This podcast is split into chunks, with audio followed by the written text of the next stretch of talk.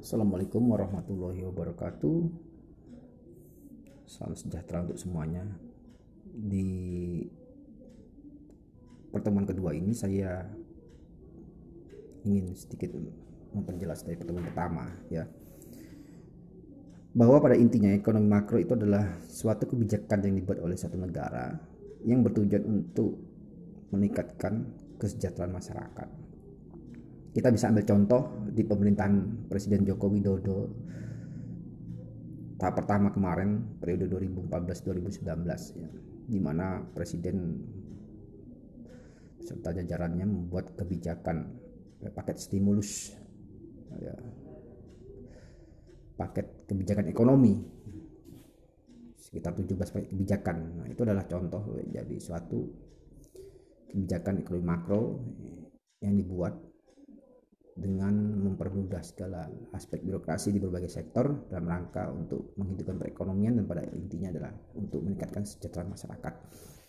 Kemudian ketika ada virus corona berlangsung saat ini, ya, pemerintah juga membuat suatu kebijakan, ya, membuat stimulus, ya, bahkan Bank Indonesia sendiri juga um, dalam sebulan ini merevisi tingkat suku bunga atau BI rate ya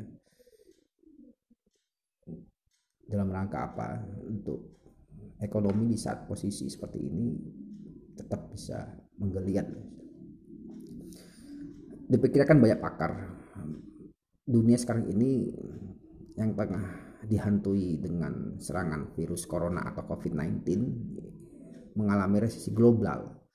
Ya resesi global bukan hanya di Indonesia tapi di seluruh dunia. Nah ini yang menjadi suatu tantangan buat negara bagaimana kebijakan yang dibuat dalam mengatasi masalah resesi global kali ini. Karena memang sebelum resesi global kita juga mengalami yang namanya adalah perang dagang antara Amerika Serikat dan Tiongkok ya. Hingga perundingan yang belum selesai belum tuntas belum lagi masalah gejolak ekonomi di dalam negeri seperti kasus gagal bayar asuransi jiwasraya dan asuransi lain yang sampai ke publik. Nah, ini adalah tantangan dari pemerintahan bagaimana membuat suatu kebijakan-kebijakan yang tetap bisa mengarah ke kesejahteraan masyarakat. Kemudian ekonomi makro juga bagian penting dalam membuat suatu kebijakan dan strategi bisnis. Saya kasih contoh pada saat posisi seperti ini, pemerintah, uh, suatu pengusaha akan kesulitan untuk membuat strategi dan arahnya melihat kondisi dari serangan COVID-19 ini. Nah, di sinilah peran ekonomi makro. Sebelum strategi kebijakan dibuat, salah satunya dari pemasaran mungkin bisa melihat dari kondisi sebagai pertimbangan sebagai perusahaan dalam membuat suatu aspek kebijakan. Baik, sedikit penjelasan dari saya. Semoga kuliah online yang singkat ini bisa bermanfaat dan kita sama-sama berdoa agar virus corona telah selesai dan kita bisa beraktivitas kembali, ekonomi bisa pulih kembali,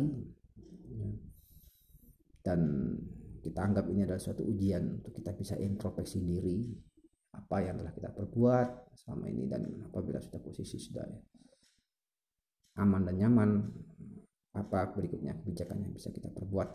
Demikian dari saya terima kasih. Assalamualaikum warahmatullahi wabarakatuh dan salam sejahtera semuanya